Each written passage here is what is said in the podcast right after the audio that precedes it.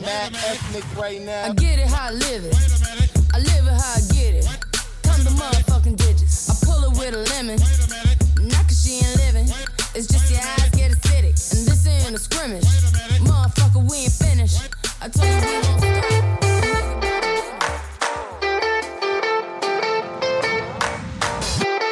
Du lyssnar på Magnus och Peppes podcast.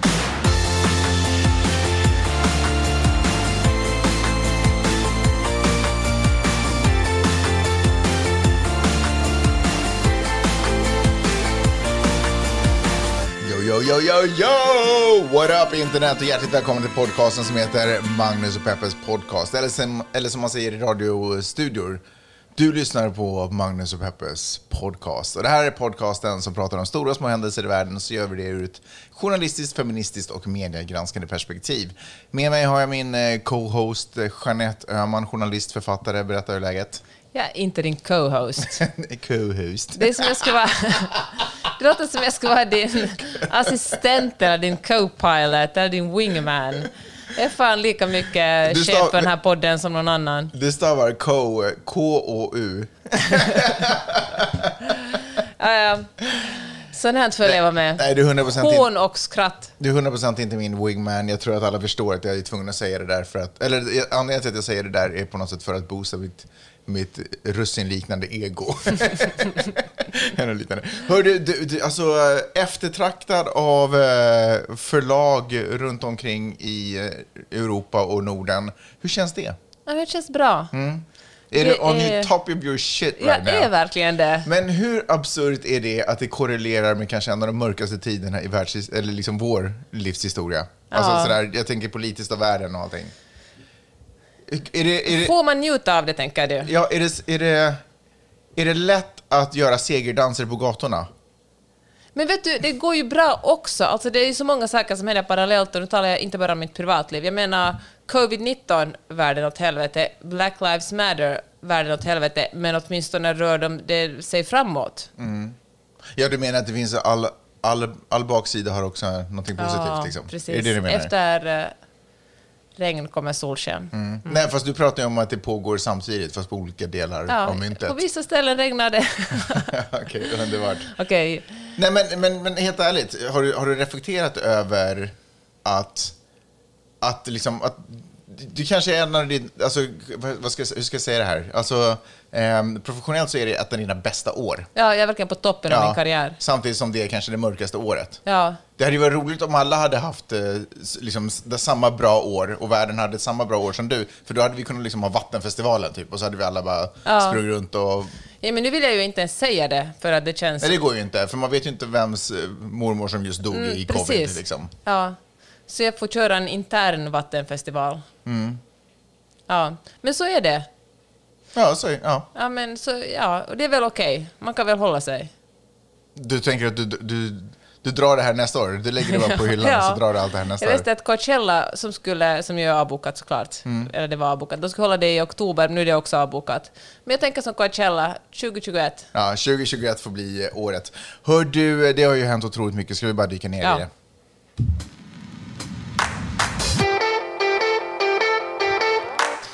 Folk hör av sig till mig och frågar hur det egentligen är där i Los Angeles eftersom det de ser på nyheterna är, är butiker som blir plundrade och poliser som skjuter gummikulor på en, folk blir av med sina Mm. ögon och, och frågar att det brinner, borde ni inte komma hem nu, det verkar ju vara hemskt där.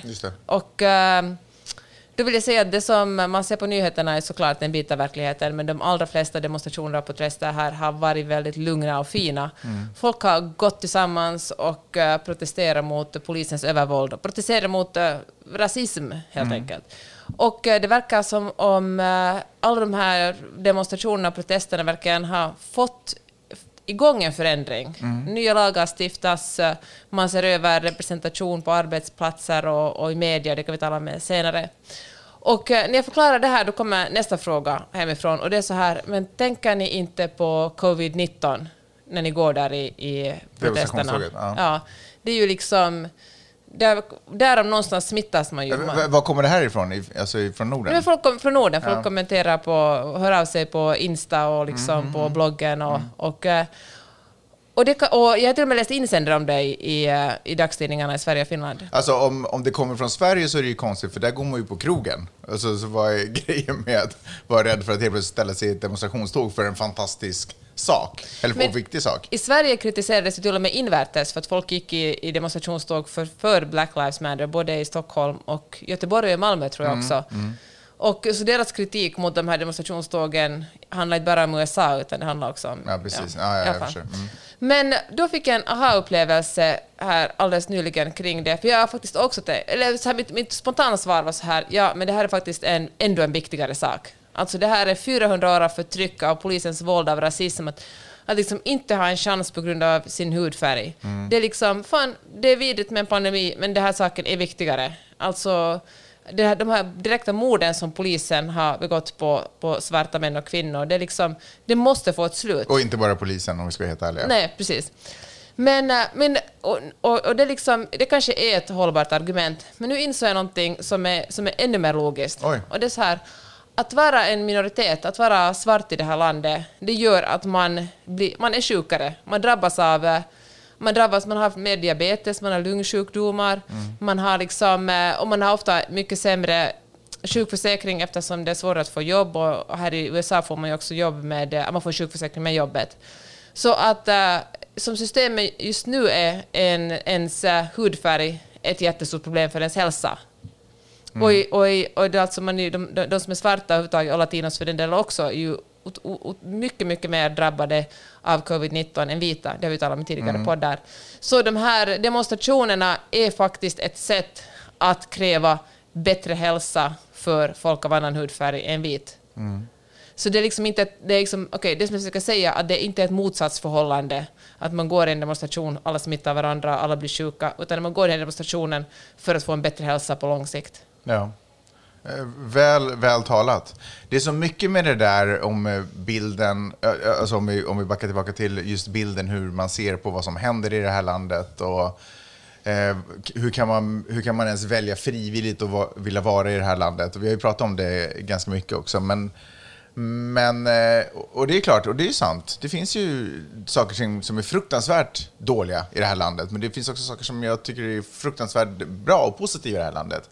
Plus att, helt ärligt, var på jorden är det så fan, var är den här, eh, vad heter den här, Edens lustgård eller vad man ska säga, var är den här fantastiska platsen där det inte finns några som helst problem eller, eller någonting sånt? Det existerar ju överallt, så det, hela den här, det här, det blir som att, man, att jag känner att jag liksom dras in i någon form av tävling som jag inte ens deltar i. Liksom, där jag på något sätt måste försvara mina, mina, val, mina livsval för, för andra människor. Och sen också, och, och sen också den här aspekten att eh, hur kan man vara så, och det där stöter jag på hur många gånger som helst, och, och jag är säker, gör mig också säkert skyldig till det själv, men hur kan man vara så säker på att man sitter på all fakta och all kunskap och all information att man kan avgöra att det här jag gör just nu, det är det rätta för alla människor. Det är liksom, det, jag tycker att det är så, eh, det, det fascinerar mig. Du menar när folk är sådär, men nu är det väl ändå dags för er att flytta hem från Ja, men USA? precis. Det brinner överallt i USA. Det är riots och lootings i, i USA och, och liksom katastrofalt att vara här. Och Trump är ju galen och sådär. Och allt det där är ju sant. Men, eh, men, men, men det finns så mycket annat också som är positivt som kanske inte egentligen rör samhällsstrukturen om vi ska vara helt ärliga. Det är väl få, få saker som är positiva i dem. Men hör du, jag vet du, det är intressant när du började prata om det här sa du, alltså det finns ju jättemycket dolt med USA. Mm. Det är så jag börjar alla meningar när jag ska säga varför jag bor i USA. Och då känner jag att jag känner mig på något sätt alltid tvungen Mm. Man att måste säga... ursäkta, att men jag det- Mm. vet, jag vet, det är lugnt, jag vet. Jag, må- Eller förekomma den man talar med. Man, Men det där ursäktandet är ju också ett spel för gallerier. Därför att den där ursäkten eh, tvingar personen som pratar med mig fram ur mig därför att den har dragit in mig i en tävling. Som, som jag känner... Så här, helt ärligt, är det en tävling, var man bor, vem som har valt det Ja, bästa landet ja. bo i. rest assured, jag håller på att vinna den skiten. Så, så liksom, dra inte in mig i en tävling som jag känner att jag dominerar. Sen kanske inte vi är överens om det. Sen kanske inte det här landet är det bästa för alla människor att bo i eller sådana saker. Men för mig i mitt liv, just nu i den här tidpunkten i mitt liv, så håller jag på att vinna den här skiten. Så om det är en tävling så, så är det bara så. Men eftersom det inte är en tävling så tycker jag att hela det här, liksom, det blir så absurt att jag får det kastat emot mig. Och då tvingas jag fram, eftersom jag också försöker vara sportlig i den här s- grenen. Så tvingar det fram en, en, en liksom låtsas ödmjukhet där jag istället för att vara sådär I'm killing this shit, måste vara sådär, ja men det finns massa dåliga saker här också, det finns massa positiva saker med de valen som du har gjort i ditt liv. När det egentligen är en, en helt absurd diskussion. Men vet du, den diskussionen tycker jag att man för i Finland just nu också gentemot Sverige. Där Hur då? Berätta. Nej, men I och med, i och med covid-19, för då är man i Finland och hashtag inte alla finländare, men då är man sådär... Inte alla Finland. Okej, men min pappa, inte alla Finland. Nej men så här, att uh, kolla så många som har dött i Sverige. I Sverige bryr de sig inte om uh, att gamla människor dör. Mm. I Sverige bara struntar man helt i den här uh, pandemin och liksom tittar på våra dödstal. I Finland har vi bara så så många som har dött. Idag hade vi så här få dödsfall. Mm. Och jag tänker så att, men är det Visst är det obehagligt att göra döda människor till en landskamp?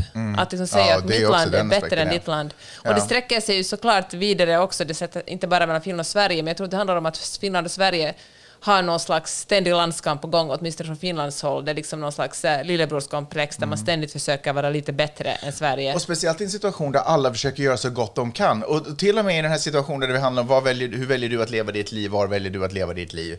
Och dessutom för en period i livet. Inte vet jag alltså, det är ju inte så här, det är, inte, det är inga, det är inga, det är inga, Nej. precis, det är inga slutgiltiga beslut gjorda här, utan det här är just nu, vid det här tillfället, kalas. Liksom. Men, men, men, men det jag skulle säga är att vad, vad är... Nej, precis, vad, vad grejen med att forcera fram den här tävlingstonen när alla försöker göra så gott man kan? Sverige försöker naturligtvis... De här besluten är inte fattade för att så många människor ska dö som möjligt, utan det är ju någonstans i tanken att så många människor ska räddas som möjligt. Rätt eller fel, så är det åtminstone strategin.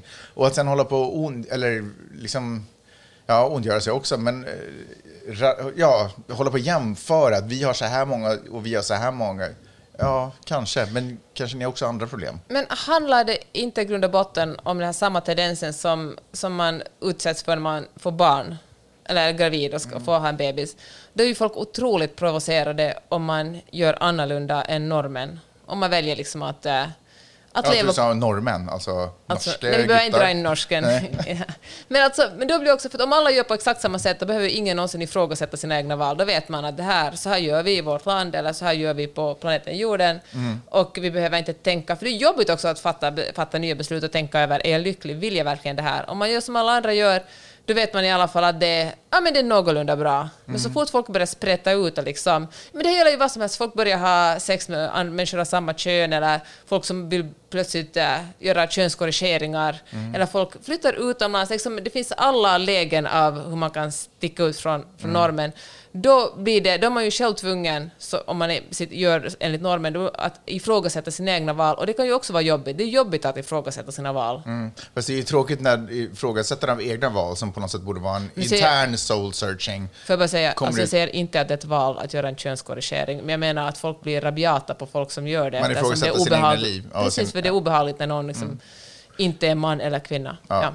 Men, eh, men det jag skulle säga är att jag tycker det är också konstigt om det är på något sätt, mm, om man hamnar i en situation där man känner att man, att man ifrågasätter sina egna val, eller åtminstone måste blicka över sitt eget liv, om man nu så jämför, så låter ju det precis som att det borde vara en, en inre resa, en någon form av soul searching. Men istället så kommer det uttryck som att man börjar, fråga, man börjar på något sätt eh, vill ha, man börjar kräva svar av andra människor varför de har gjort så som de har gjort. Och hej, helt ärligt, alltså jag är öppen för en sån diskussion och ett sånt samtal. Vad, hur har ni tänkt? Varför vill ni göra de här sakerna? Men inte när det på något sätt kommer med någon form av anklagande ton där jag upplever att jag måste försvara vad jag pysslar med. Sköt ditt eget liv liksom. Om du trivs där du är, good for you. Det är ju det enda jag önskar i ditt liv, att du är glad och lycklig. Så åtminstone någon form av motsvarande känsla, någon form av motsvarande tillbakakaka skulle vara, skulle vara ganska nice, kan jag tycka.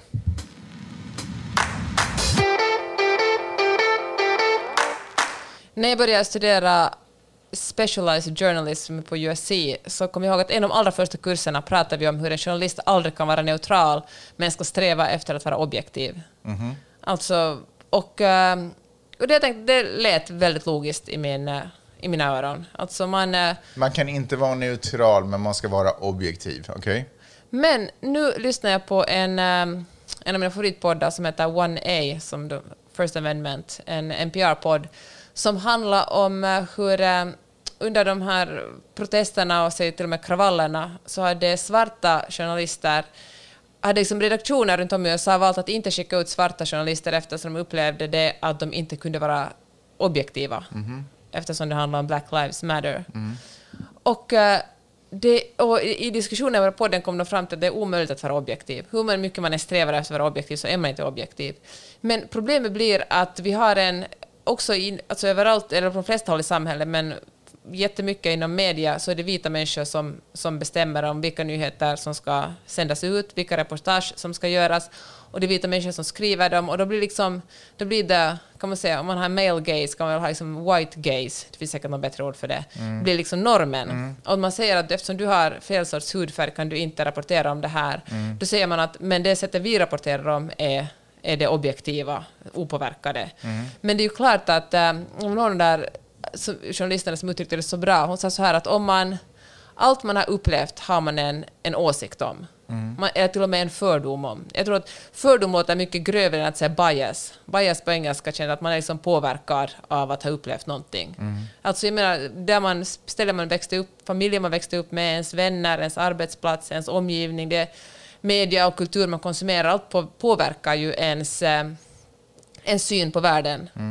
Och att, och att istället för att säga att, att journalister ska vara objektiva, för journalister ska ju inte bara leverera fakta. Om man vill ha bara fakta, då kan man ju gå in, gå in till statistikcentralen eller liksom söka upp det från annat håll. Journalisters uppgift, har vi talat om tusen gånger i podden, är ju att eh, sätta saker och ting i sin kontext, i sitt sammanhang och förklara det här hände för att det här hade hänt tidigare och eh, det här kommer kanske att hända. Och då pratade, och då, när podden pratade om, om att man måste kanske använda ordet transparens, alltså, eller transparent, att en journalist ska sträva efter att vara så rättvis som möjligt, men också vara transparent med vem det är som skriver den här texten. Jag tycker det är... Ja, det var så, alltså jag går ju igång på sådana diskussioner, men jag tyckte det var otroligt intressant och lärorikt. Men med, med argumentet att, eh, att en journalist har som uppgift att sätta det i en historisk kontext så, vore det ju, så låter det som att en svart person är ypperligt lämpad Ja, för att rapportera kring saker som berör svarta, precis som en motorcykelintresserad eh, journalist är ypperligt lämpad för att rapportera motorsport och du vet, sådana saker. Ja, men kanske man inte ens Man, borde man kan ju tänka inte ta sådär... en kock, eh, mat, alltså en gastronomkock, eller gastronomjournalist och sätta i motor bara för att inte Nej. deras ögon ska vara... Men, eh, men jag tänker att är det också en form av rasism att tänka så? För att bara för att man är svart behöver man ju inte vara expert på svart historia. Nej, men jag ut, nu utgår jag ifrån att av, av de svarta männen eller kvinnorna på redaktionen, att man Ja. väljer den som också är insatt i den historien. Ja, Att- att ja men det är klart. ett- Men jag håller verkligen med dig. Liksom, att, att det är ju, vad, att det där- tänka att du är så känslosam så du kan ändå inte... Det, för det handlar ju om att vara så att det här, kan, det här berör dig så mycket på ett personligt plan eftersom det Ja. handlar om Black Lives Matter. När det i själva verket handlar om att det är verkligen någon som har erfarenhet av det här som kanske skulle ge den mest... eh, ha mest förståelse för att rapportera om det. Mm. Jag tycker det är ju... Det är ju att... eh, att eh, amerikansk media är så otroligt vit har ju visat sig väldigt tydligt i, säkert på, eller hela tiden såklart. Men i, i The Philadelphia Inquirer så hade en rubrik där, som en rubriksättning på första sidan med, med “Buildings matter too”. Ja, den är inte snygg. Alltså tänk det.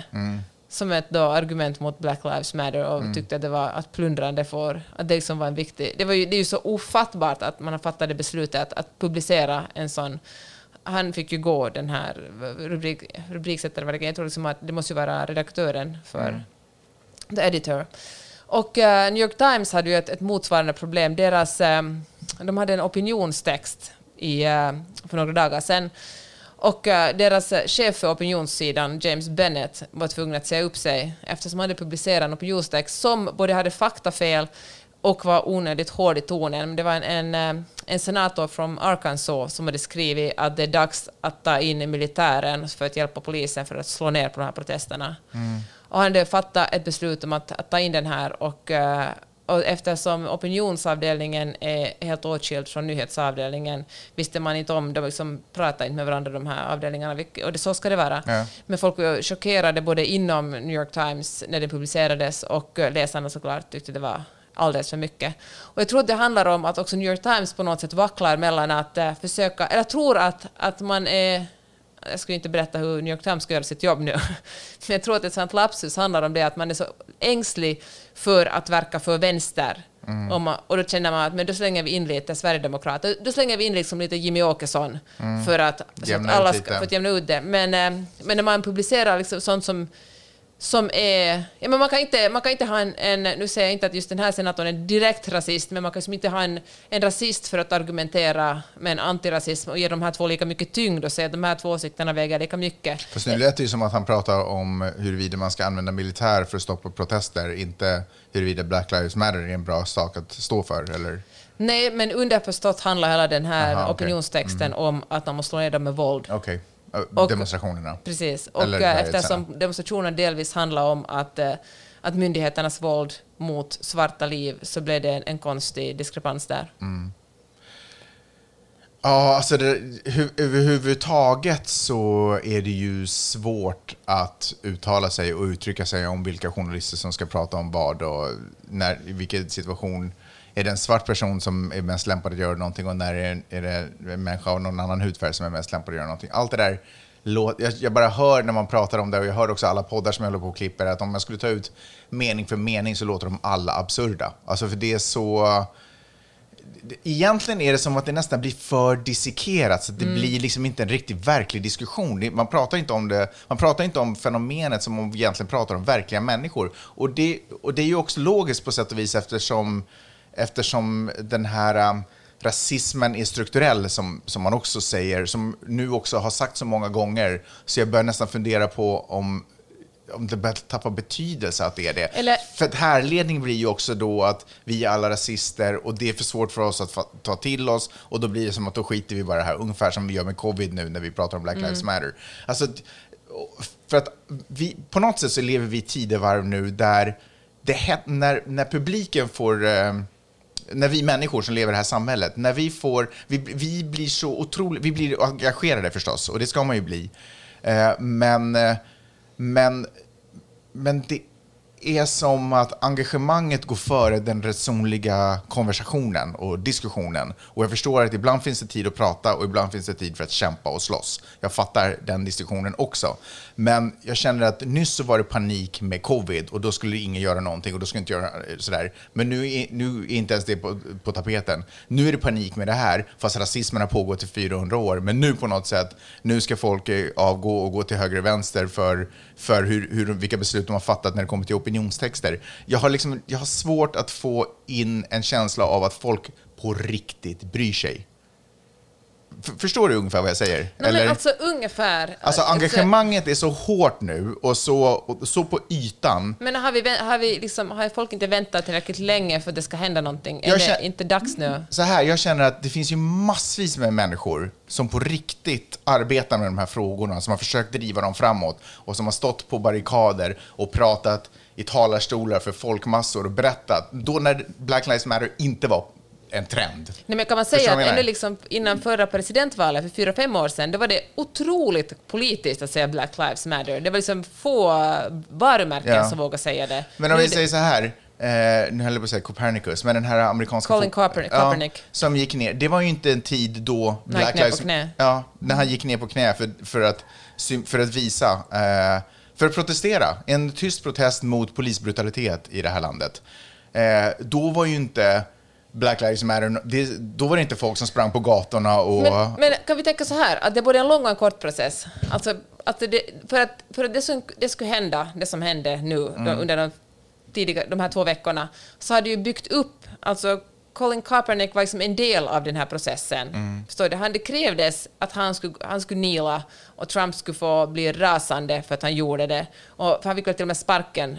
Fick han det? Jag fan, sport brukar jag inte läsa, men jag, jag tror det. Och, eh, och eh, då, Nike tog väl sen gjorde en jättestor reklamkampanj med honom. Strunt samma. Men alla de här små grejerna som känns som att men det här ledde ju inte till någonting. Det här ledde ju inte till att folk gick ut på gatorna. Bygger tillsammans upp en våg som vi nu såg de här två senaste veckorna. Så det är nu det händer. Det är som inte plötsligt, det är som inte en det är inte en, en plötslig händelse, utan det är något som har byggts upp, byggts upp, byggts upp av de här massa små händelserna. Och får jag säga en sån här sak om det där att vi alla är rasister, kan man tänka så här, när man talar om struktur, strukturell rasism känns det som om det finns där ute i samhället. Liksom. Men om man talar om institutionaliserad rasism, vi lär oss, vi växer alla upp i ett rasistiskt samhälle. Alltså det vi konsumerar, de tidningarna vi läser, inte aktivt Ku Klux Klan-rasistiska, men de eh, sättet de skriver nyheter på är gjorda av människor som är vita med vita erfarenheter och vit, liksom en white gaze. Och detsamma gäller den nästa kulturen vi konsumerar, det gäller liksom allt lär vi oss att att sådana här, alltså människor, people of color, som jag i och för sig tycker är ett otroligt bra, synd att det inte finns något motsvarande på svenska, att de är liksom farliga och de är lite annorlunda, medan vita människor är lite bättre. Alltså, ingen säger det, men underförstått bombarderas vi med det här budskapet hela tiden. Och, Ja, förlåt, nu bara fortsätter jag. För att, och det som du sa, att folk liksom... Jag kan också känna en viss irritation just nu på att äh, liksom diskussionen om Black Lives och vad man kan göra har på något sätt, äh, åtminstone på sociala medier och kanske delvis i poddar också, gått från att handla om, äh, om liksom Black Lives Matter till vem som har sagt vad, vem som har lagt upp rätt eh, Instagram-kub, vem som har vem som använder fel ord. Och det här liksom att man på något sätt, det är lättare att tala om vem som har varit töntig i sociala medier än att tala om hur vi verkligen kan anstränga oss för att det ska bli en förändring. Ja, men för precis som med allting annat så, som händer i den här världen när det kommer till report, eh, reportage, eller eh, förlåt, precis som allting annat har hänt i den här världen när det kommer till eh, hur vi pratar om saker i samtalet, nyhetsreportage och, och diskussioner och alltihopa, så kommer det på något sätt alltid ner till att eh, arga vita människor sitter och diskuterar hur andra vita människor Ja. har fuckat upp. Verkligen. Och, och, och om det här nu är en fråga om... Och nu gör jag det själv. Och det, jag, jag vill nästan egentligen bara typ lägga på luren och inte prata mer om det här. För att allting är så... Det är så dumt på en nivå, därför att det handlar ju bara om på något sätt att vi måste ju börja liksom omstrukturera samhället så att det släpper in alla människor i det. Vi måste på något sätt bara se att det här, som det är nu, så är inte alla välkomna i det här samhället. Det här samhället är inte uppbyggt för alla människor. Och vi måste börja riva de barrikaderna. Och vi måste börja sätta straff på de som inte uppfyller de här reglerna. Eh, och de här, precis som vi skulle göra med vilken annan, människa, vilken annan vit människa som helst som, som vill närma sig det här samhället och kliva in och på något sätt vara en del av det. Dörrarna står vidöppna och så är det inte för alla människor. Och det måste bara på något sätt bli brottsligt. Det är sant, för det blir liksom någon slags identitetsbyggande Ja. projekt. Visa att jag är bättre, jag är mer woke än du. Du använder fel ord eller du sa någonting töntigt och då har man liksom, då blir, ja men som du säger, det blir liksom en intern diskussion bland vita människor om Ja. vem som är en bättre människa. För nu är det så här att vi älskar, nu har vi fastnat vid det här skillnaden mellan Black Lives Matter och All Lives Matter. Nu, känner, nu finns det en, en liten vit kulturtopp som är så där, som har förstått skillnaden med varför det inte är relevant att prata om All Lives Matter, utan det är relevant att prata om Black Lives Matter. Och vi har hört Billie Eilish. Eilish snacka om det och vi har hört Aston Kutcher nyligen prata om det. Vi, det nu känner vi att vi är liksom lite pålästa för nu har vi förstått skillnaden mellan varför, varför vi inte kan skrika det ena framför det andra. Och där på något sätt är vi där är vi på toppen och nu springer vi runt och, och, och pekar med PK-finger till höger och vänster till folk som inte har greppat den grejen. Och så tycker vi att vi är lite coola för vi har på något sätt någon förståelse för, för hur svarta har det i samhället bara av, av den. Det, vi, vi, liksom, vi, vi gör allting så billigt. Vi gör allting så jäkla billigt. Vi gör allting, det är som att det finns, det finns en fantastisk tanke och själ här och vi gör någon form av eh, billigt producerad plastversion av det som bara passar in, så, så att det ska passa in i våra hem. Eh, och sådär. Istället för att på något sätt, om vi på riktigt är intresserade, lyft upp, liksom, lyft upp något talare, liksom, börja lyssna på svarta människor som pratar istället för att hålla på och lyssna på vita som håller på att göra sina åsikter ännu bredare eh, och, tar, och tar snygga stilpoäng på sina kollegor för att kollegan råkar använda fel eh, verb eller någonting annat. Alltså, jag tycker att det är så, jag blir matt för allt det här handlar om någon form av elitistisk sta- stat, statusbarometer som vi försöker hålla oss på rätt sida av strecket på. Liksom.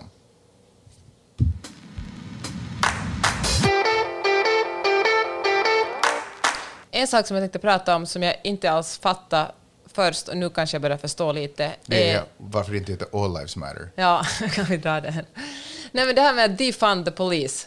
Vet du vad, det var den grejen jag tänkte prata med dig om. För det har ju en konsekvens av de här protesterna, demonstrationerna och får jag helt också säga, en konsekvens av att folk har blivit arga och sprungit runt och skapat en hotbild gör ju att eh, politiker känner sig manade och tvingade att reagera.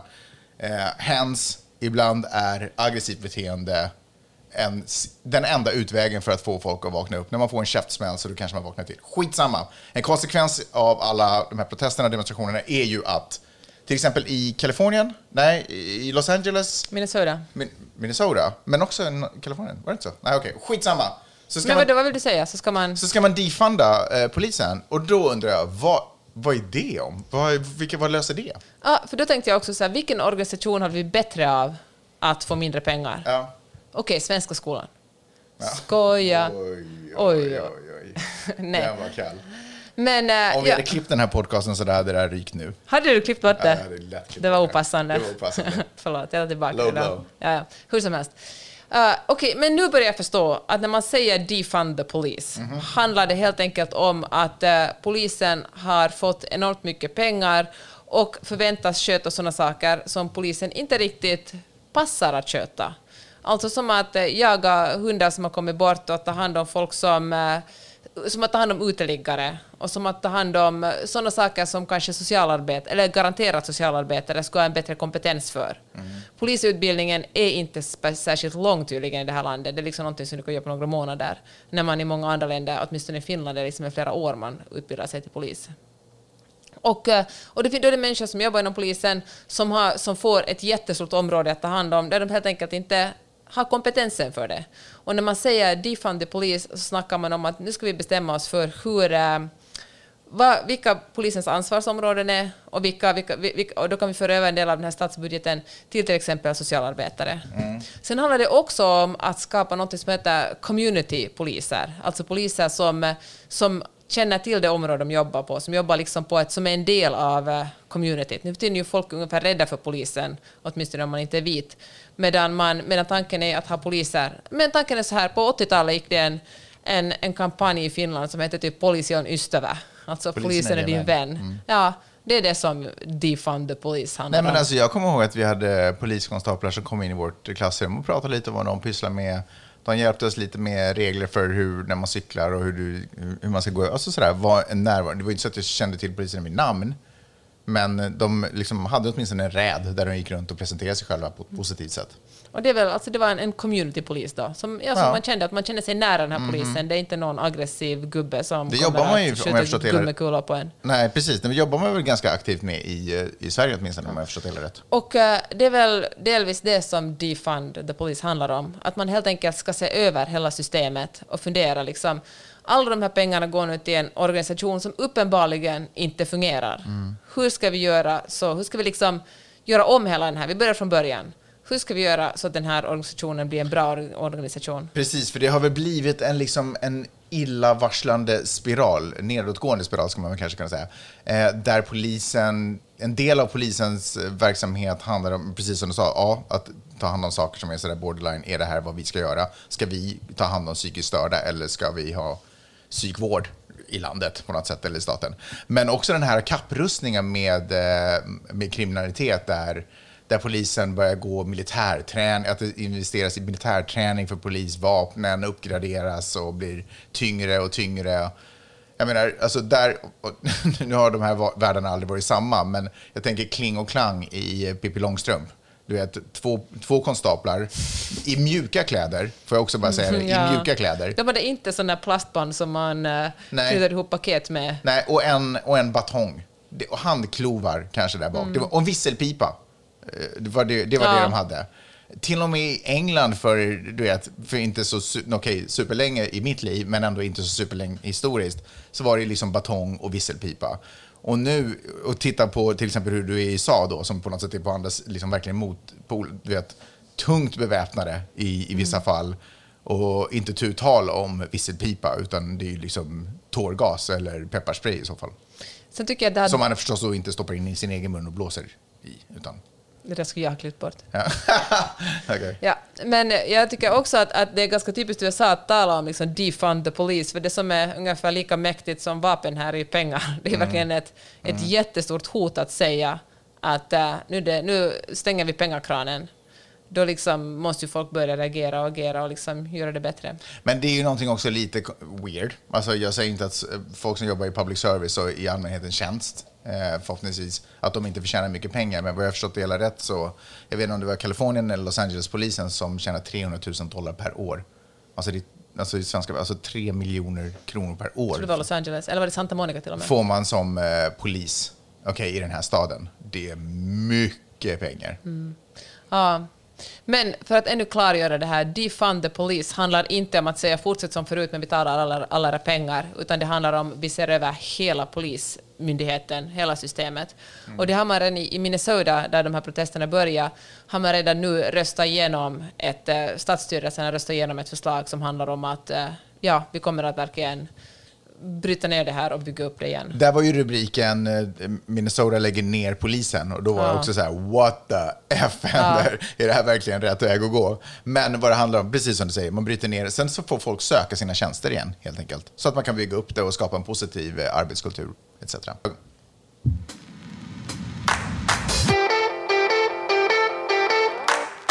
Och på andra sidan jorden, bakom en liten sten i den lilla, i den lilla ängen, så eh, har du precis fått reda på vem som mördade Olof Palme.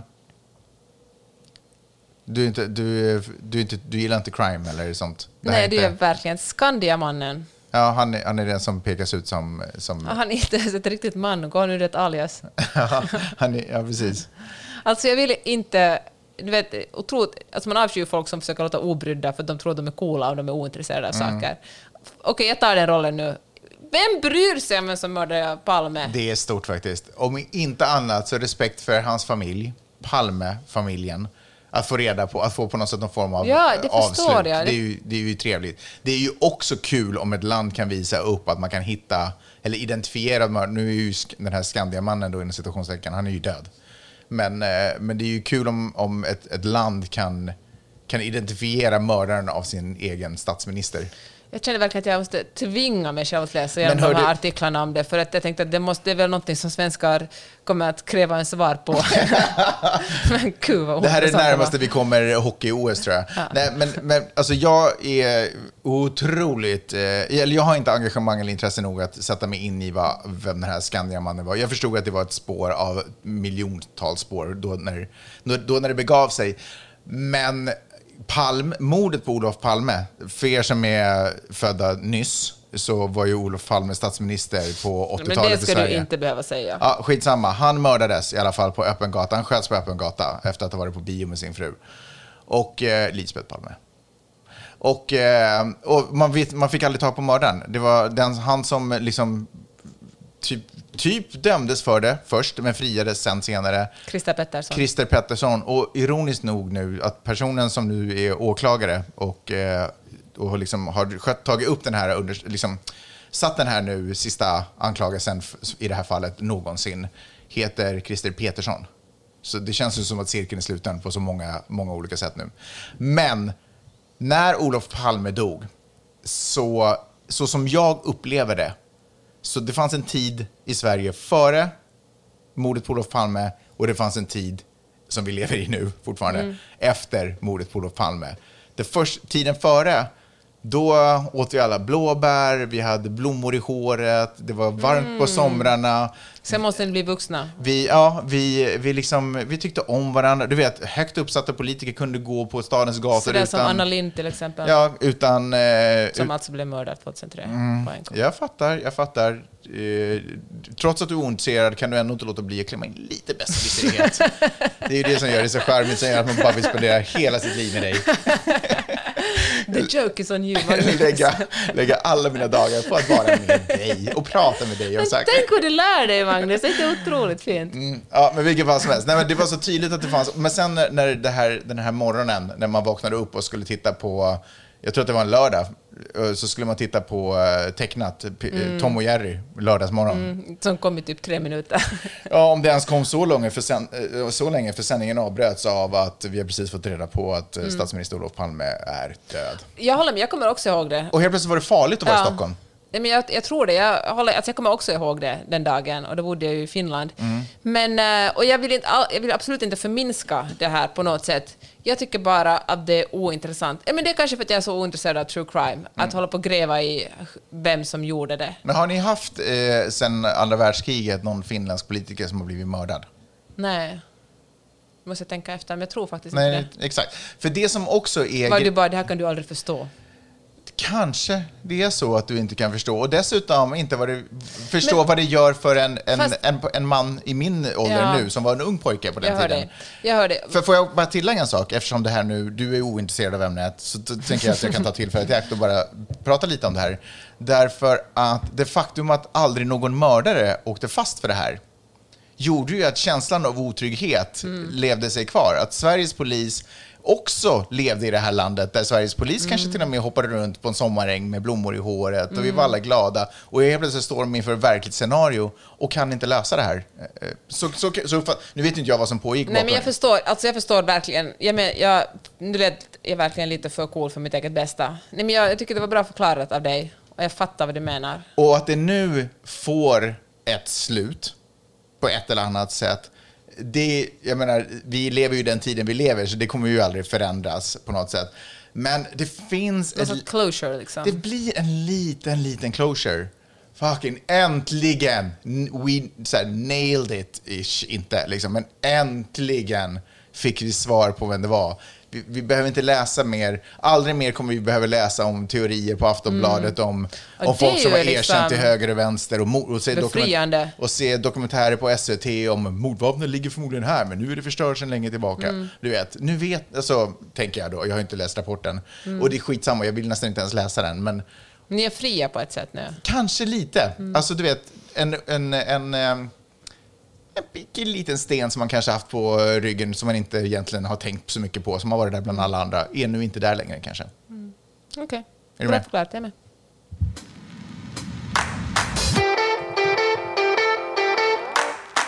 Var det allt vi hade för den här gången? Det var allt vi hade för den här gången. Det var en eh, rolig podd, Magnus. Ja. Hör du, kommer vi tvungna att prata om eh, Black Lives Matter och sådana saker nästa gång också? Nästa vecka? Eh, jag vet inte, varför det? Frågar du något sånt? Nej, men jag bara undrar, för att det är ju en viktig sak. Man vill ju inte släppa bollen. Men eh, och om man inte pratar om det så är vi ju en av många som säkert också kommer sluta prata om det. Det ska bli intressant att se under veckan hur många liksom, nästa vecka som kommer prata om den här saken. Eller kommer den nu bara dö ut och så blir det precis som när vita blir arga och upprörda. Att efter ett tag så lugnar vita ner sig och Ja, så är det ingen grej eller längre. att vi gör content på det. Vi bara, åh vad bra, nu har vi någonting att prata om. Ja, jag Och sen- hoppas inte att hemskt många har känt just så. Att vad ska vi prata den här veckan? Husch, vi hade Black Lives Matter, vi körde en liten grej. Jag tror att folk ändå har upplevt att det har varit viktigt att prata om det. Men, men just det här att sen en vacker dag så är det inte viktigt att prata om längre. Men rasismen är kvar. Eller så har det hänt någonting. Vi går in i en ny era. Mm. Det får vi väl ändå. För jag tänker att ett första sätt är att äh, granska sig själv. Ett första sätt är att... Och ja. put your money where your mouth is, som man säger här i USA. Mm. Om man på riktigt är engagerad och vill jobba för, mot rasism, då kan man donera pengar till en bail fund eller liksom en antirasistisk organisation. Allt finns. Det finns alltid folk som jobbar för antirasistiska eh, vad är det, saker och som Ja. gärna tar emot ens pengar. Jag tänker det är ju ett väldigt, om man känner att men vad ska jag göra i min lilla värld? Det är väl ett super det, är, det, är, det, är det vägen sätt. att gå? Alltså, jag har ju sett det där, donera pengar. Är det vägen att gå? Alltså? Ja, man kan börja där, så finns det ju en massa andra saker man också kan göra. Ja. Och de här, då får de här grupperna lite luft under vingarna kunna fortsätta sitt arbete och påverka politiker och att styra, Utbilda folk. utbilda folk, styra upp lagar och sådana saker. Ja. Jag har ju länge tänkt att, jag brukar ju alltid hugga eh, när, när, när en ordet kommer upp på diskussioner. Jag, jag startar gärna dålig stämning om det blir så. Så jag har alltid tänkt att det är tillräckligt jag har gjort. Jag gör min grej för rasismen, men det är ju förstås, det är väl nästan, det är väl grundläggande att man gör det i alla fall. Att man säger till om, man, om folk använder en ordet. För det kan vi ju åtminstone sluta med. Språket vi använder formar ju också sättet vi, på hur vi uppfattar världen. Men, men ingen använder väl en ord Jo, längre? 100 procent. Alltså det är ju... Ja. Nej, men jag tänker det sån... Vi har ju till och med fått en revival. Det kommer ju tillbaka tack vare SDs... Fördelen med det här är att SD, det går åt för SD i Sverige. Ja, och det har ju verkligen hänt mycket. Alltså långt många fler. Jag läste någonstans att för, eh, för eh, 2000, den här, jag läste det här på New York Times faktiskt. 2016 när eh, Trump började sin kampanj, då tyckte 40 procent av, eller var det 42 procent av amerikanerna att Black Lives Matter var en viktig rörelse. Nu tycker över 75 procent. Alltså också, både demokrater och republikaner. Ja, fast det där... Ja. Ja, du menar att det betyder ingenting i Det betyder praktiken? ingenting. Alla tycker det nu därför att det är varmt nu. Ja. Det är hett. Det är, hett. det är ett hett topic. Vem ska svara på en fråga som de får i de här tiderna? Om det är viktigt eller inte. Det är ju ingen som svarar nah, det, här, det här berör inte mig." Det går ju inte. Mm. Ta, ta det här testet om fem sex år igen. Ska vi se om det inte är något annat som vi ska vara upprörda över istället som vi kan rikta vår fokus till. Nej, nu får det fan vara slut med, med det här. Ja. Ja. Jag, jag har ju faktiskt, förlåt, vi höll ju på att avsluta här men det sket sig. Eh, Jag har ju till och med nu börjat eh, kommentera, eller så skriva, alltså svara på, på Insta-kommentarer. Alltså inte på min egen, men du vet, det är de jag följer som märker att det är folk med lite outbildade eller whatever åsikter. Di- Sådär, motsatta åsikt, åsikter till mig. Så har jag börjat svara på dem. Och Som så- vadå till exempel? Nej men du vet, eh, men, ja men whatever, jag tar alltså typ eh, all lives matters. Mm. Whatever. Fast kanske inte var exakt det, men typ den viben. Och så bara, ja, fast, och så, måste, så går jag in och svarar och vet, så får jag blir typ lite, vi får lite baksmälla efter. Varför det? Nej men kanske lite det här som du försökte uttrycka igår med, eh, eller för igår, jag menar i förra avsnittet med det här svarta rutan, att på något sätt, att jag känner att sådär, det här jag gör nu, Alltså, jag kunde verkligen, om jag, jag kunde verkligen göra mer för jämlikhet i världen än att svara på den här kommentaren. Och jag fattar man, man, du vet, det, det stora finns också det lilla ibland. Och jag kan, man kan skriva någonting som kanske inte påverkar den jag svarar, men andra Ses. människor som ser kanske får hjälp, stöd i sin argumentation. Du vet, kanske, om jag nu inbillar mig att jag har sånt inflytande på folk. Men, men det känns ändå... Futtigt. Men vet du vad, jag tycker det är okej att man går omkring på jorden och känner att man inte gör tillräckligt. Jag tänker att det, det kan vara en bra sporre att man fan, fucking gör någonting med jämna mellanrum liksom. Det är svårt att alltid gå omkring och vara Superman och alltid stå för rättvisa och goda. Vi har ju dåliga sidor inom oss alla. Ibland är man en egoistisk jävel liksom. Som eh, är typ såhär, no fucking lives matter egentligen, så länge jag får komma fram. Men, eh, men stundvis så får man också jobba... Man får, Men är inte bra att, så här tänker jag, om man, ska man inte försöka branda sig själv för sig själv som en människa som försöker göra rätt? ja. Det blir, du vet så att om man, om man säger tillräckligt många gånger jag är en människa som försöker göra rätt, då kanske man blir en sån. Så som man säger att jag är en människa som, fan, som är vegetarian eller jag är en människa som är morgonpigg eller som aldrig kommer för sent. Då blir man en, om man upprepar det tillräckligt många gånger blir det en sanning både för en själv och för alla andra. Men jag vill bara inte vara den som är superarg nu och typ inte Nej. dugg arg om ett år. Alltså, jag, om, om, jag tänker att istället för att bränna all energi nu, så bara försöka hitta ett tempo som jag kan hålla genom hela mitt liv. Eh, och det gäller inte bara rätt, jämlikhet och rättigheter för svarta, det gäller för kvinnor, det gäller för, för flipping jord. Alltså, så vet, att vi tar hand om, det är så många av de här sakerna. Så att jag kan, när jag, de gånger som jag får så här ryck och känner att jag blir så här, öh, nu börjar jag brusa upp mig, då bara, men vilka tönt det är. Liksom. Spara på krutet, jobba långsiktigt. Fast du kan göra båda två. Ja, kanske. Och så jobba på sina egna barn. Ja. Och så lägger, jag har jättemycket ursäkter med mitt bristfälliga beteende själv genom att jag åtminstone försöker jobba in vettiga värderingar i min egen Mm. son och snart dotters huvud. Alltså hon är min dotter men hon är inte mottaglig ännu mot vettigheter. Hör du, innan vi slutar får jag komma med en shout-out. Jaha, oj shit. Mimmi i Australien. Jaha. För det första en korrigering. När vi sa att det går... Hon är inte i Australien utan hon är i Tyskland. Hon är i Australien.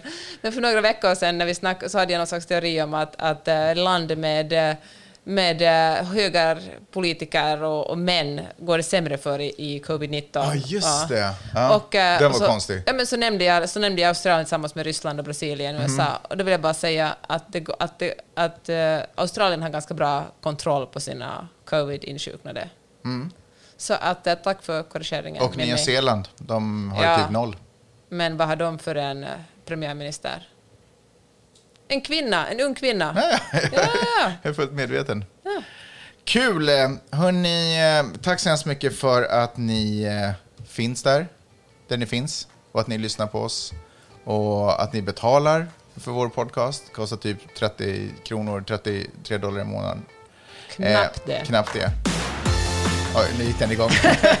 vi, var, vi var inte riktigt klara. Hörni, ta hand om er. Vi hörs om en vecka. Puss och kram! Puss och kram. Hej då!